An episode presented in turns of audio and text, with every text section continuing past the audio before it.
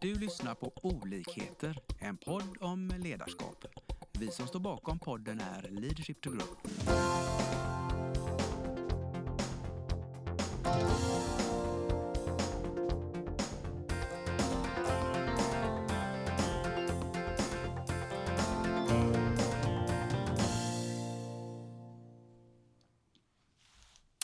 Och välkomna till dagens podd med mig. Jag heter Annika Nordén och vi har med oss Lars Engström. från Leadership to Grow. Och idag har vi med oss en eh, härlig gäst. Berätta, vem är du? Hej! Eh, Allan Hardros är eh, VD och grundare till bolaget Flexcare Sweden. Jättehärligt att ha dig här. Väldigt spännande ska det bli att få samtala med dig idag. Ja, tack, tack. Ehm, och berätta gärna för eh, lyssnarna som inte vet vem du är och vi, vad är Flexcare? Berätta. Mm. Eh, man kan säga som så att eh, jag eh, är en civilekonom från början. Sen har jag varit på olika banker och till sist efter finanskrisen kom jag in i den här branschen som heter konsultbranschen, eh, framförallt läkarbemanning. Eh, kom snabbt in i att eh, förstå branschen väldigt väl. Eh, av en slump så kom jag in i parallella spår som heter att parallellt med min vanliga tjänst så hade jag tjänsten eh, som upphandlingsansvarig, ibland affärsutvecklare. Så det har varit av och till eh, olika eh, parallella tjänster som jag haft eh, tillsammans med konsultchefsjobbet. Konsultchefsjobbet har jag nu jobbat med i 13 och ett halvt år. Oj. Mm. Det som hände det var att 2016 eh, valde jag att eh, säga upp mig och eh, starta ett bolag från grund och botten som skulle eh, ändra lite på branschen, var tanken. Eh, för det var vissa saker som jag inte var helt nöjd med. En fråga då, säga upp, det är ju ett rätt stort steg för många. Mm. Men du gjorde, valde att göra det. Ja, precis. Det, jag tvekade rätt länge, eh, hade lång betänketid innan jag vågade ta det steget. För att parallellt med det hela så fanns i, i praktiken var jag liksom, låg jag bäst till på LAS-listan. Eh, hade va- jobbat längst i bolaget och eh, tänkte att vågar jag hoppa fritt fall från en väldigt trygg anställning till eh, något man inte riktigt vet var, var, var det kommer sluta. Eh, Det är liksom den oron som eh, jag hade då. Framförallt i och med att eh, frun pluggade också, studerade till just eh, sjuksköterska. Vilket gjorde det hela mycket svårare att våga. Hur, hur ska man klara av det rent, rent finansiellt? Mm. Det var den stora frågan. Ja, oron där. Mm. Eh, men till sist landade jag att jag hade så många beslutsunderlag som var korrekt. Att det skulle vara dumt att sitta kvar. Mm. Eh, och framförallt, så man kan säga att i Flexer så la jag all... Jag trodde så mycket på det eh, att jag satsade allt jag ägde eh, i bolaget. Ja. Mm. Modigt. Ja, verkligen. Det var liksom vågat, men samtidigt så trodde jag väldigt mycket på det jag ska berätta rätt snart. Och det är Ja. mer det här nya utmaningar som jag såg i branschen, eh, brister som jag tyckte fanns i branschen. Så jag läste att det fanns en strukturomvandling ute i, i, på marknaden. Eh, och eh, samtidigt fanns hos mig en stor trötthet på det här klassiska som heter riskkapitalägandet, riskkapitaltänket som heter att vi, man alltid, eller aldrig var nöjd med våra insatser, vi som kollegor. Eh, Okej. Så även när vi gjorde toppresultat så visade det sig inget, eh, alltså nöjdheten var ju sådär. Eh, Mer och mer bara hela tiden. Ja, mer och mer hela tiden. Eh, ett praktår är 2010 där vi gjorde extremt bra resultat. Vi fick lönesänkning. Så det fattar alla att det här inte är bra. Eh, men mitt stora mo- tålamod tog det rätt lång tid när jag sa upp mig. Eh, så från 2010 till 2016, det var rätt länge. Det är länge ja. Ja, precis. Men sen fick jag nog. Jag tyckte att eh, det nya upplägget som jag hade det var en femårsplan eh, som jag byggde på. Eh, och den femårsplanen byggde på att, eh, en dröm om att ha inom fem år ha ett bolag som jag kan leva på, eh, som går bra, som i praktiken statuerar bra exempel och där jag samtidigt ville inom den här fem- femårsplanen eh, starta ett bolag som någon annan kan leva på. Eh, Alltså du har två ben egentligen då? Ja, precis. Eh, och i två helt olika bolag. och bakgrunden är ju den, den här som här heter tröttheten på girigheten i samhället. Eh, och det var faktiskt det första kreativa eh, jag gjorde med bolaget Flexcar. Det är att ta bort girighet från ägarperspektiv. Eh, och det gjorde Alltså, rätt tog- mycket. Jag tog bort... Ja, berätta. Mm. Du tog bort det till och med ägardirektivet. Inte skriftligt utan rent, mentalt för att ofta när, jag hade så mycket att göra så var det rätt mycket som jag inte riktigt hann skriva ner det på, på pränt. Eh, vilket gjorde att det bara fanns där. Eh, Men förhållningssättet hade du? Förhållningssättet, Ja. precis.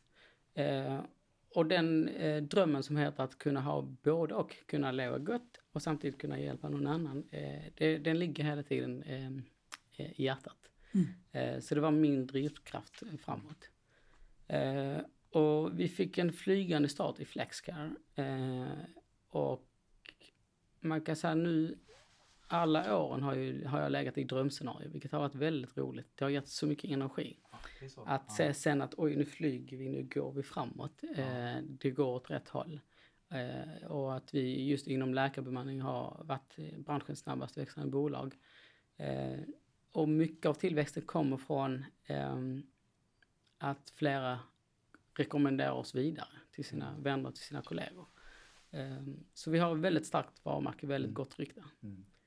Du får alltså, förlåt att jag, men du får alltså rekommendationer för att du är en god arbetsgivare? Ja, precis. precis. Wow! Så det är rätt mycket, en stor del av vår tillväxt kommer ju därifrån. Att vi har fantastiska eh, läkare som håller väldigt hög kvalitet. Eh, och utöver att de visar, be, be, bevisar också att vår leverans är stark och god och stabil. Så sprider de vidare eh, just Flexka som bra arbetsgivare. Fantastiskt att höra. Mm.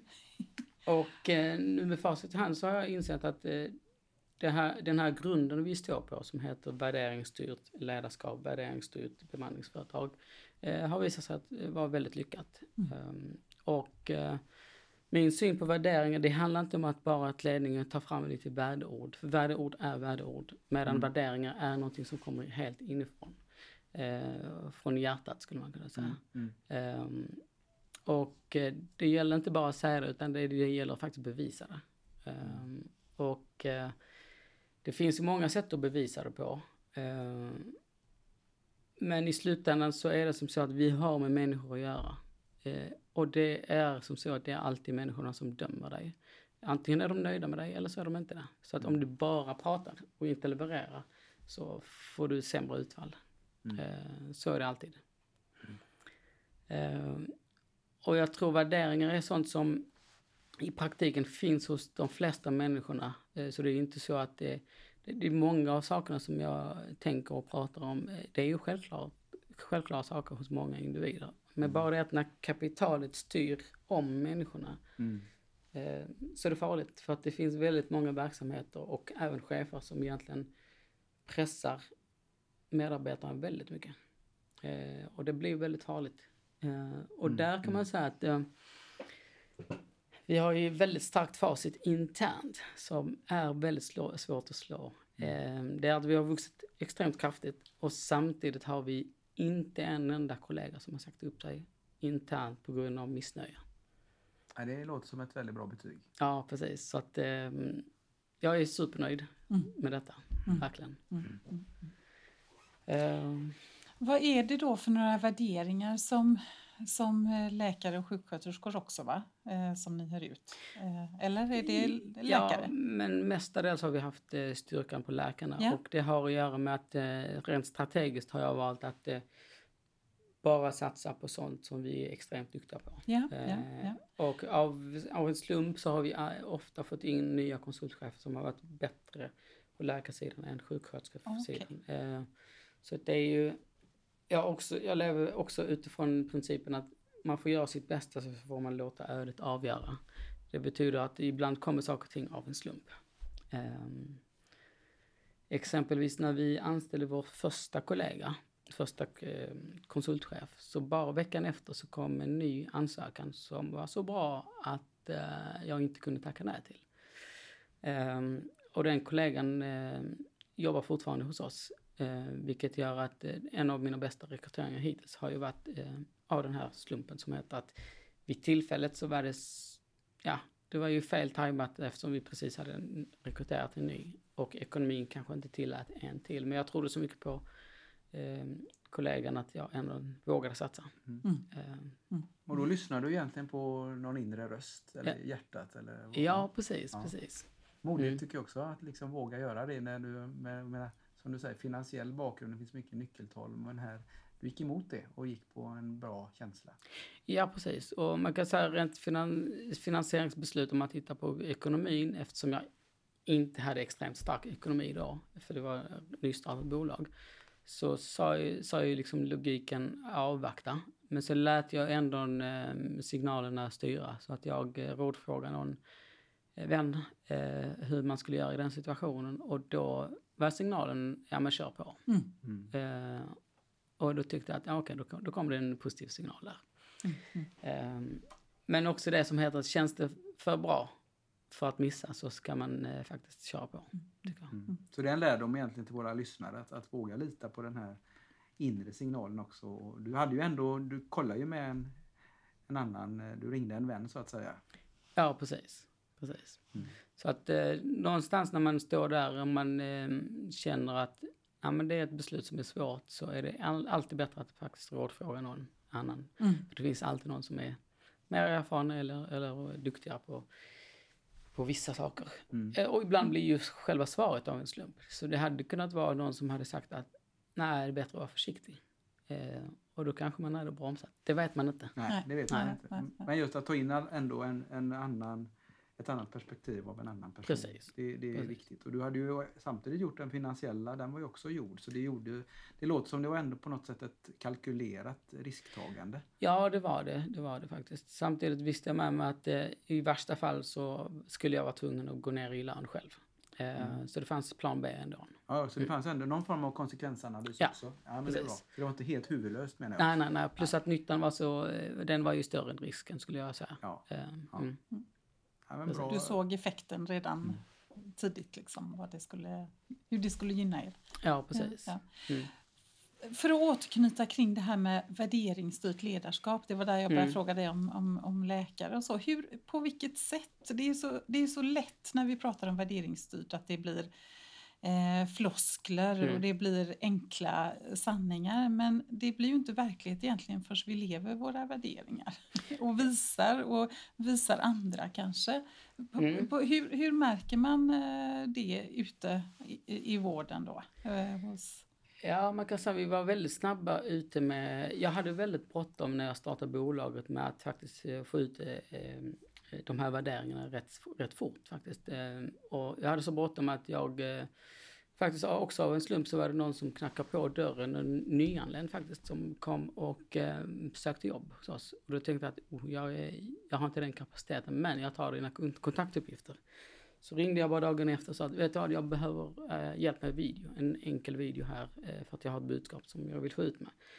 Så redan månad ett så införde vi branschnyheten vinsttak i välfärden, eller i, eh, i, i den här branschen. Eh, och med det sagt så kan man säga att det förstnämnda det var att ta bort eh, girighet från ägarperspektiv. Det öppnade upp den tanken som heter att eh, aldrig utnyttja en vårdgivare i ut, utsatt läge. Det betyder att eh, när vi väl ska sätta priser så måste vi sätta rimliga priser utifrån vad vi tror att läkarna vill ha. Och eh, samtidigt att inte överdriva med hur mycket vinstmarginaler vi ska ha. Eh, därifrån så kan man säga att det, är- det är en del av våra värderingar att aldrig utnyttja någon. Mm. Eh, vi har ju ett konkret exempel där vi någon gång bemannade mm,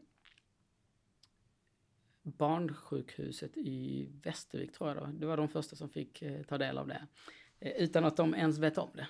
Eh, då kunde inte de upphandlade bolagen leverera och då fick vi en förfrågan som heter Kan ni leverera?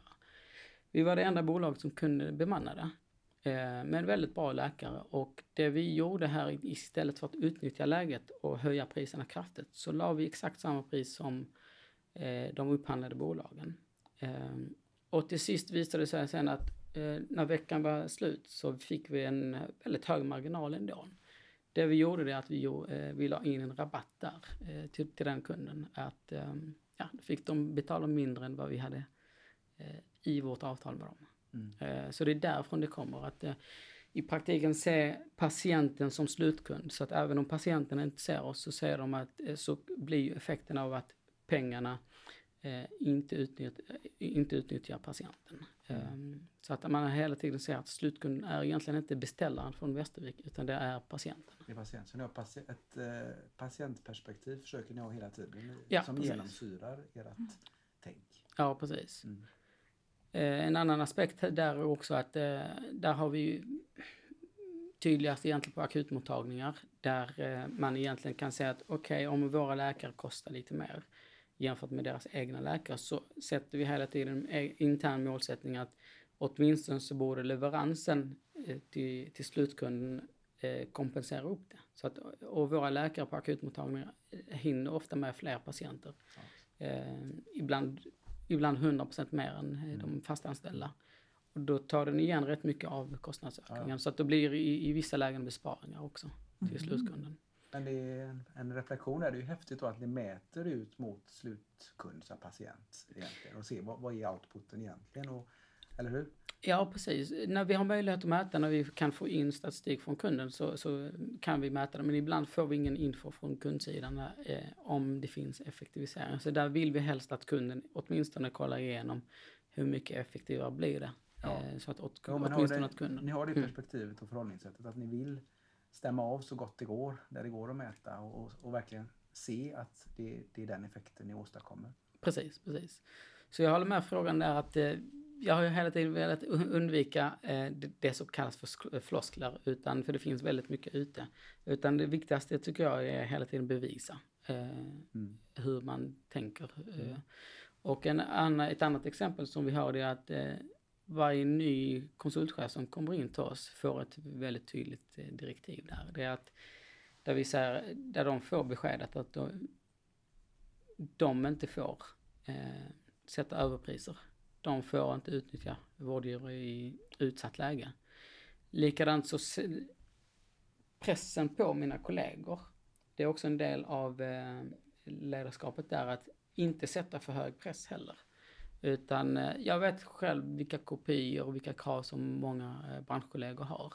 Eh, här utgår vi från att vi har lägre krav på hur mycket var och en ska leverera. Eh, och det är klart, det går emot marknadstänket som heter vinstmaximering. Men det, det är helt okej för min del. Jag är supernöjd med detta. Mm. Det är så ni vill ha det egentligen. Ja, jag brukar alltid säga att jag vill ju inte tjäna pengar på att mina kollegor mår dåligt Nej. och pressas ihjäl. Det, det är inte roligt att komma till jobbet eh, med, med det förhållningssättet. Ja, Jag tänker det du sa Mm. 2010 som där liksom ni gjorde jätte och ändå fick ni lönesänkning. Det blir ingen, Precis. om man tittar ett längre ledarskapsperspektiv där så händer det ju en del där med, tänker jag, engagemang och motivation. Ja, den gick ju bara ner. Mm. Jag kan säga att efter det året så har ingen lyckats komma upp i de siffrorna än. Så att eh, ingen lyckats eller ingen velat lyckas med det. Jag vet inte riktigt men eh, när, när man låter siffrorna tala så kan man säga att det, upp, det året har inte upprepats. Men det är ju ganska Mm. intressant ur ett då värde och finansieringsperspektiv också. Får, får människor jobba med lagom anspänning så blir ju det konkreta resultatet också även monetärt bättre. Ja, monetärt så kan man säga att det, det är mer hållbart och mer eh, långsiktigt att jobba på det sättet som vi har jobbat. Och det ser man i det som heter att personalomsättningen har ju varit extremt låg. Eh, för personalomsättning är en kostnad, när du sätter priser gentemot kund så räknar du ofta med kostnader. Och ingen kund, ingen patient har nytta av att det byts kollegor. Eh, Men då blir kvaliteten ner förmodligen. Precis. Mm. För en kostnad på en halv miljon för varje ny kollega, inget som en patient har nytta av. Eh, Så det hänger ihop. Så på, på lång sikt tror jag att det, är bättre eh, och mer ekonomiskt hållbart att eh, Ja, om, jobba man, så. om man ska tala ekonomi så låter det som win-win men samtidigt den största vinningen är väl ändå outputen mot patienterna. Att det blir liksom en, en kontinuitet, det blir proffsigt, det blir bra, Precis. bra resultat det går. Precis. Så nu har förenat två perspektiv här låter det som också.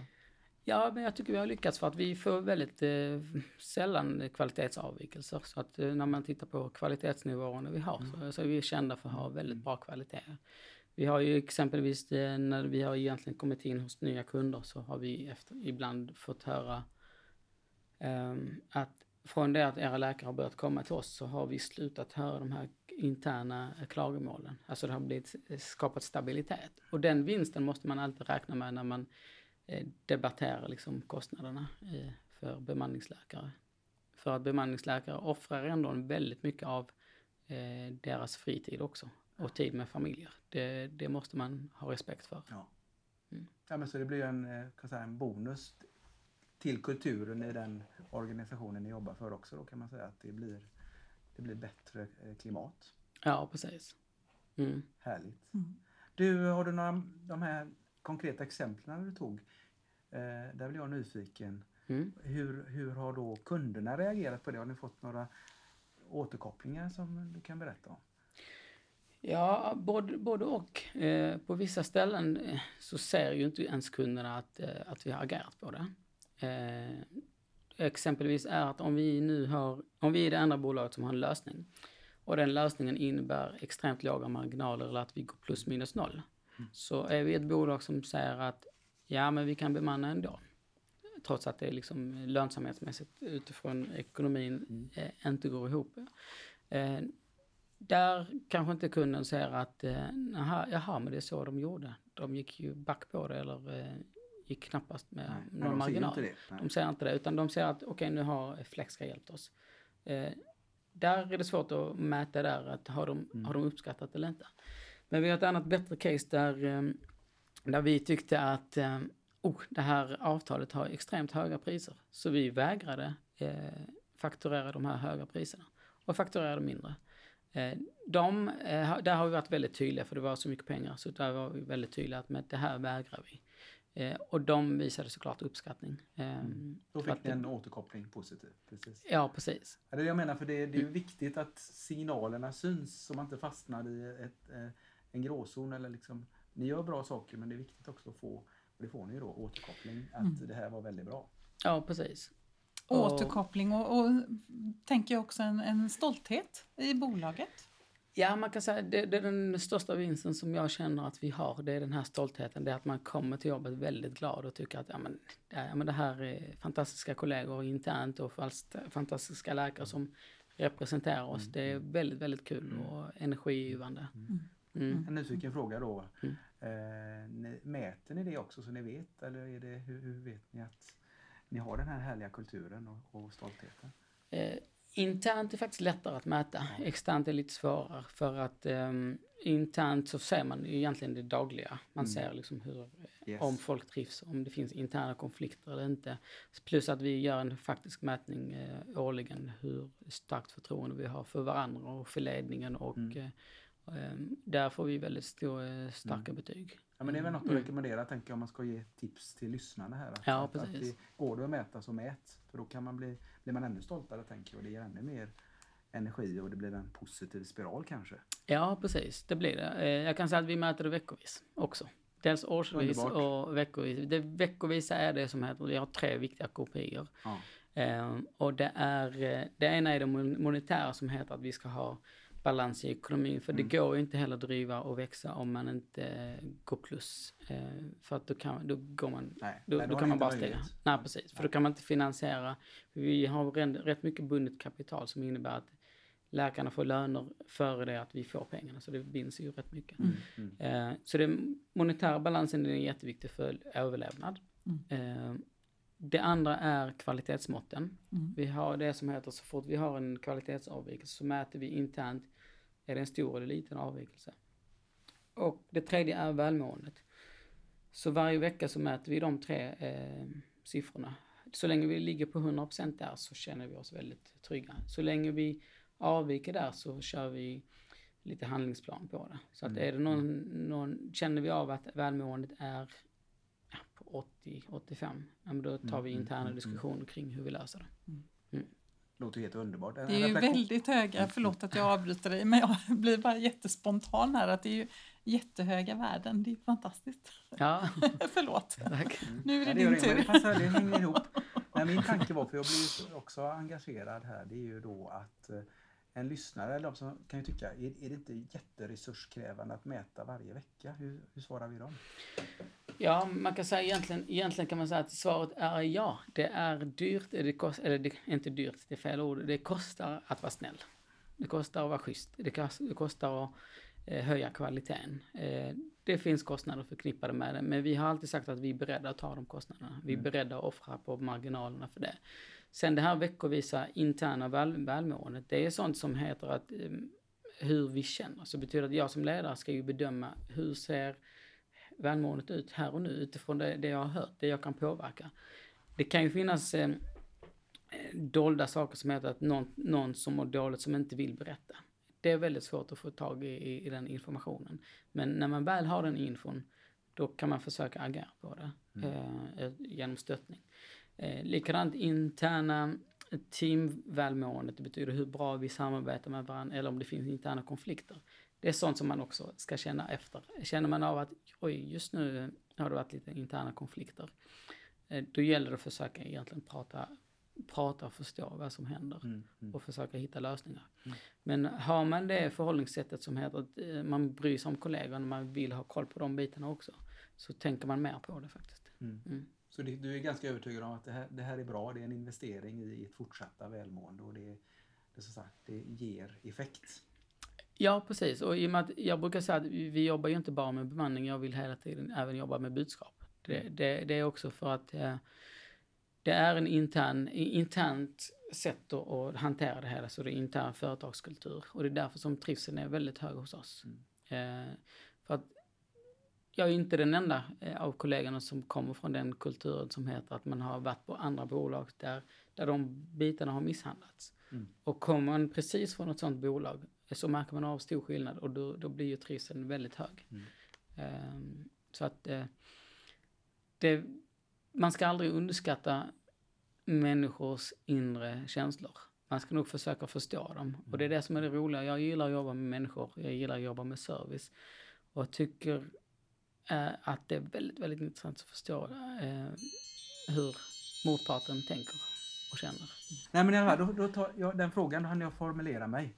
Det här mm. då att mäta det mjuka, alltså känslor och så eh, på kollegor och så vidare. Det, det låter som att eh, jag menar, det är något ni vill fortsätta med och det är, det är inte så krävande egentligen om man gör det och fångar upp tidigt ett välmående. Så att, eh, jag blir väldigt glad när jag hör det för att många som vi jobbar med de tycker att det är ju krångligt och man måste ha system och så vidare. Men eh, det, det låter som att ni är starkt förespråkare för detta. Det behöver inte vara så krångligt egentligen, tänker jag. Nej, det behöver inte vara så krångligt. Eh, man kan säga som så att de stora mätningarna bör man göra en gång per år. Ja. Eh, sen finns andra mätningar som man gör kvartalsvis när man gör eh, medarbetarsamtal och så. Mm, mm. Jag brukar alltid fråga i början av de här samtalen, hur mår du? Den är jätteviktig, mm. för där kan det gå allt mellan fem minuter till en halvtimme. Mm. Sen är det individuellt hur, hur mycket var och en vill prata om respektive utmaningar. Men det vi fångar upp på veckobasis, det är egentligen hur den befintliga känslan är utifrån välmåendet i organisationen, välmåendet i teamet, interna kollegors eh, samarbete eller i, eh, mm. om, det, om det finns konflikter. För det, det blir ett, mm. en intern bedömning på eh, välmåendet. Plus att individuellt så kan man försöka fånga upp utifrån den information man har här och nu. Mm. Ja, men tack, för det, det är ju det jag tänker att många kan ju tänka sig att det, det stöter vi på också, att det är jobbigt att göra, mäta de här mjuka sakerna. Men så som du beskriver det låter ju som att i och med att ni gör det varje vecka rutinmässigt så kan ni agera väldigt snabbt också på om det blir en liten avvikelse och, och ta det i sin linda så att säga och fortsätta att behålla då eran fina kultur och eran fina energi i gruppen. Ja precis, för att eh, jag tror också det att gör man det regelbundet så är det som så här, då slipper man det som heter att det ackumuleras frustrationer. Ja. Mm. Så det är bättre att bromsa tidigare. Mm. Tack, mm. ja, underbart. Mm. Så mm. Mm. Det är väl bara att utmana dem som lyssnar. Ut och mät. Ja, precis. Sen, så, precis. Och som sagt, mätningen behöver inte alltid vara att folk fyller i eh, enkäter. Inte om man ska göra det veckovis. Utan det blir egentligen chefens spontana känsla utifrån den info man har. Och det räcker ju. Det räcker, ja. Kanoners. Mm. Du, när vi snackar upp oss här kommer jag att tänka på, du, det låter som det gått jättebra och så, men vi, vi sa det, det finns utmaningar, eller hur? Ja, det finns det absolut. Och man kan säga att eh, bland utmaningarna så är det bland annat växtverk som man får. Eh, och den är klassisk. Eh, så å ena sidan så är jag nöjd med att vi har vuxit så kraftigt och samtidigt har haft så pass hög trivsel. Eh, så vi har klarat av den stora balansen. Man kan säga att att driva ett bolag, det är en enormt stor ekvation med väldigt mycket informationsflöde som kommer in. Mm. Eh, och ju mer engagerad man är, desto mer, eh, ja, desto större informationsflöde blir det. Mm. Eh, så informationsflödet eh, se till så att hela balansen, liv, både livsbalansen och även bolagets egna balans, eh, är i fas. Eh, det är en av de stora utmaningarna Mm. och ju mer, ju mer man växer desto mer blir det att göra. Um, Om man, man straffas om man, är, om man gör bra ifrån sig helt enkelt.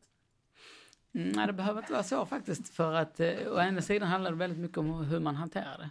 För att eh, när man växer måste man släppa, eh, släppa vissa saker. Man måste delegera mer och släppa vissa saker. Och, eh, och det är en av de stora utmaningarna som heter vad vågar man släppa och till vem? Eh, så en nyckel där det är hela tiden hitta bra medarbetare som man kan lita på.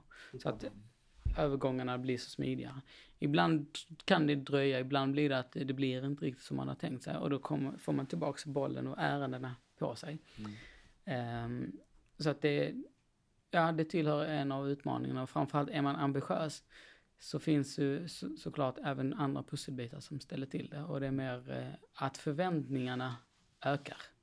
Och har du förväntningar som är stora, informationsflöde som är stort, eh, dolda förväntningar, saker och ting som du inte har information om. Det kan ju vara kollegor som sitter och pratar med varandra om någonting, men du har inte den infon. Eh, tillhör också utmaningen att försöka fånga upp allt på ett väldigt bra sätt. Ja. Mm. Kan du ge oss exempel någon gång där du har varit i ett vägskäl och där, där det har blivit utmaningar för er för att ni växer? Ja, man kan säga regelbundet när man hamnar i den här röda varningsflaggan som heter att oj, nu känner jag mig eh, utsliten, väldigt trött, hjärntrött och sovit för lite. Och, alltså en kombination med att man kanske har för mycket i sitt vanliga liv och mörkret på vintern här och energitappet. Det gör att man när man hamnar i det läget som heter att hur mycket energi har jag?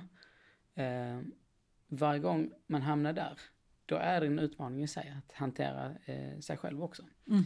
Eh, för, för växer man mycket och man börjar tappa energi, då måste man få en ny energi till att kunna fortsätta växa och för, fortsätta ta hand om allt som är runt omkring en. Och sen är det som så att parallellt med det hela så är det som så att jag har ju samtidigt lärt känna väldigt många nya intressanta personligheter, vilket gör att även de ska man underhålla, vilket är väldigt roligt. Men då måste man ändå boka sin kalender hela tiden. Eh, vilket gör att ju mer man växer, desto mer blir det att göra. Mm. Även på det roliga som heter bara ta en lunch liksom. Mm. Eh, så det blir totalt sett rätt mycket runt omkring en. Man, det finns risk att man tappar vissa bollar. Så det är liksom den här balansen som heter hur, hur ska man hantera, hur ska man navigera egentligen? Mm, mm. Eh, i det hela. Finns det någonting där som du har eh, då, för man hör ju att du har väldigt mycket att göra. Mm. Eh, Finns det någonting som du har valt bort? Av och till så kan det vara faktiskt eh, träning som man ibland inte hinner med. Eh, ibland blir det att eh, man bara är tvungen att lägga ner vissa saker. Det betyder, för tillfället då, går jag hem vid femtiden och ser att oj, det är tio missade samtal. Så vet jag att det finns ändå en mat på bordet som väntar. Eh, Då kan jag inte ta dem liksom den tidpunkten och då, då blir man tvungen att skjuta fram det till dagen efter. Eh, sen kan det bli att man, det blir så mycket att göra dagen efter. För det kan vara plötsligt så har man en agenda och plötsligt så ringer någon och säger att jag har covid, jag är sjuk. Då, då ändras ju dagens agenda. För då ska vi lägga all kraft på att hitta ersättare. Mm. Ehm, så det, vi har ju levt under väldigt hård press för den här branschen är väldigt stressad och pressad. Mm. Ehm, så, så det tillhör, ja, det tillhör eh, några utmaningar som vi har. Mm, mm, mm. Men det är inget specifikt så som du har känt att "Ja, men det här, nu, nu väljer jag bort detta för, för, för, för att jag själv ska eh, må bra. Ja, det händer, man kan säga vissa, det som händer ofta det är att man skjuter fram det. Ja. Eh, ofta, det är mer vanligt än att eh, man väljer bort det. Men välja bort det kan vara liksom något, något besök hit och dit till, gamla, till några vänner. Det, det tappar man ibland liksom när det blir för stort flöde. Och när man väl får tid, ja, men då tänker man att ja, men de- här har legat efter. och då tar man de här besöken. Ja. Ehm, så jag tror att eh, det privata är nog den som drabbas först. Mm. Det tror jag. Mm. Mm. En Mm. nyfiken fråga då, för det, det låter som du har eh, nästan varit inne i den här berömda väggen som, som eh, men att på något sätt har du lärt dig att hantera eh, ditt självledarskap så att du, du är duktigare idag än för kanske några år sedan att hantera eh, hur du laddar din energi, hur du laddar dina Mm. batterier. Hur ska man tänka där? Ja, bra fråga faktiskt. För att eh, den, eh, den är jätteviktig. Och jag har inte varit inne i väggen. Jag har känt att om jag fortsätter så, så går jag in i väggen. Så det, du har helt rätt där. Att, det, eh, så jag har varit väldigt, väldigt bra på att bromsa. Och jag tror det är en viktig, viktig egenskap man ska ha med sig. Att hela tiden lyssna på sig själv. Mm. eh, och känna efter. Eh, om man tittar på ett viktigt tips här är att försöka prata med sig själv ibland och säga att vad är det jag trivs bra av? Var är det jag får min energi av? Vad är det jag, om man tittar på livsnjutarperspektivet. Vad är det jag njuter av om jag nu får eh, lite extra pengar eller om jag får extra tid? Eh, och det är där man hämtar energin. Härligt, för det, Ja. det låter ju som att det är en sån grej man kan plocka upp alldeles innan man går in på rött så att säga. Vad längtar jag efter nu? Vad, vad, vad vill jag njuta av? Och kan tillåta sig det i och, och då får man ju energi tänker jag. Precis. Men det, man Precis. kanske har en väldigt begränsad möjlighet innan man går in på rött att göra det. Så det gäller ju att träna sig det. Stämmer det? Ja, precis. Det, det gäller att försöka, försöka lyssna på sig själv där. Och, om man säger som så att träning är en bra grej. Det be- betyder att vet man med sig att oj, nu har jag eh, slarvat med träning i ett halvår. Då är det bara att trycka på knappen och bara börja träna. Bara göra. Ja, sen är jag inte den som är liknar de här som eh, stora ledarna som säger att gå upp på morgonen klockan fem och gå de här långa sträckorna. Utan jag är tvärtom och tycker att är jag för trött, ja, men då flexar jag, jag börjar nio istället för åtta. Eh, den, är, den är viktig tycker jag. Att kunna känna av att ja, men kommer jag till jobbet klockan åtta så kommer jag vara så, vara så trött så det är lika bra att jag kommer klockan nio så får man liksom ta igen det. Eh, för i och med att vi har flex ändå hos oss. Så du lyssnar in inåt egentligen hur du mår, energin och trötthet och så vidare och agerar därefter. Ja, precis. Den tror jag är väldigt viktig. Eh, framförallt i och med att man ofta, ofta hamnar där. Mm. Speciellt när man har barn och eh, vissa, både småbarn och halvstora barn som är självgående. Så att det, det tar ju ändå en tid därifrån också. Ja, jag menar det är ett livspussel, det är ett Mm. familjepussel och, och det gäller att förhålla sig till alla de här delarna. Ja, precis, precis. Samtidigt så tycker jag också att det här, eh, den, den frågan den är så intressant att eh, det handlar också om investeringar, att man måste investera i sig själv. Eh, Så att friskvården, den är en viktig del. Eh, En annan är att eh, investera i exempelvis en eh, weekendresa eller en solsemester. Mm. Jag vet att jag får energi av solen. Mm. Då är det som så att när, när, när, när det är fint väder ute, men då flexar jag också på slutet av dagen. Eh, så då, för då hämtar man energin att istället för att sluta klockan fem så tar man och slutar lite tidigare. Eh, framförallt när man har gjort en bra vecka eller bra månad så ska man unna sig det. Mm. Eh, för där har man dels den faktiska solenergin som kommer in, för man vet om att det här mår jag bra av. Det andra är det mentala som heter att, mm, ja men nu vet jag att jag har tagit min egen tid. Mm. Så egen tid den är, den är viktig faktiskt. Jättebra, härligt. Mm. Underbart att höra. Mm. Ja, vi har ju varit inne på eh, många olika bitar här, tänker jag. Ja. Ehm, och, och det är ju så underbart att höra din berättelse från att då ha varit eh, anställd i, i en bransch och sen starta eh, bolag i en annan bransch och vad du har tagit med dig bakifrån och vad du också liksom, hur, hur du driver ett framgångsrikt bolag. Jättekul. Ehm, ehm, Finns det, kan man sammanfatta detta på, på något eh, bra vis? Vad skulle du säga till de som lyssnar? Eh, vad, vad är dina, eh, ditt bästa framgångstips? Framgångstipset är i grund och botten att inget är gratis, man måste kämpa sig uppåt. Eh, samtidigt ska man investera sig själv. Eh, jag tror en viktig fråga som hela tiden eh, man måste ställa sig det är att när man har satt upp vissa mål så ska man alltid fråga sig vad saknar jag eh, för att komma dit? Det kan vara lite kompetens, det kan vara kompetensutveckling som man satsar på. Eh, det kan, för man måste vara ärlig mot sig själv också. Både mot sig själv och även gentemot eh, både kollegor och kunder. Jag tror ärlighet varar längst. Jag tror också det som heter eh, att livet handlar väldigt mycket om givande och tagande. Tar du allting från dina anställda så ja, då, då förlorar du någon annanstans. Då kommer de ta någonting från dig. Eh, vad vet jag inte riktigt men ett bra tips det är att vi jobbar med människor. Det betyder försök förstå människor och försök ta hand om dina medmänniskor. Det tror jag är det mest hållbara. Underbart. Mm. Det var en jättefin eh, sammanfattning tycker jag. Jag blir alldeles varm. Ja, men härligt att höra. Är det någonting som du tänker att vi har missat att prata om nu som du jättegärna skulle vilja mm, dryfta? Eh, vi har inte gått in så mycket på den här välgörenhetsdelen som... Eh, Nej, det var det jag tänkte också. Ja. Den vill jag ju jättegärna höra för det är ju också det här att få balans. Precis. Men vi tar lite om det då. Ja. ja.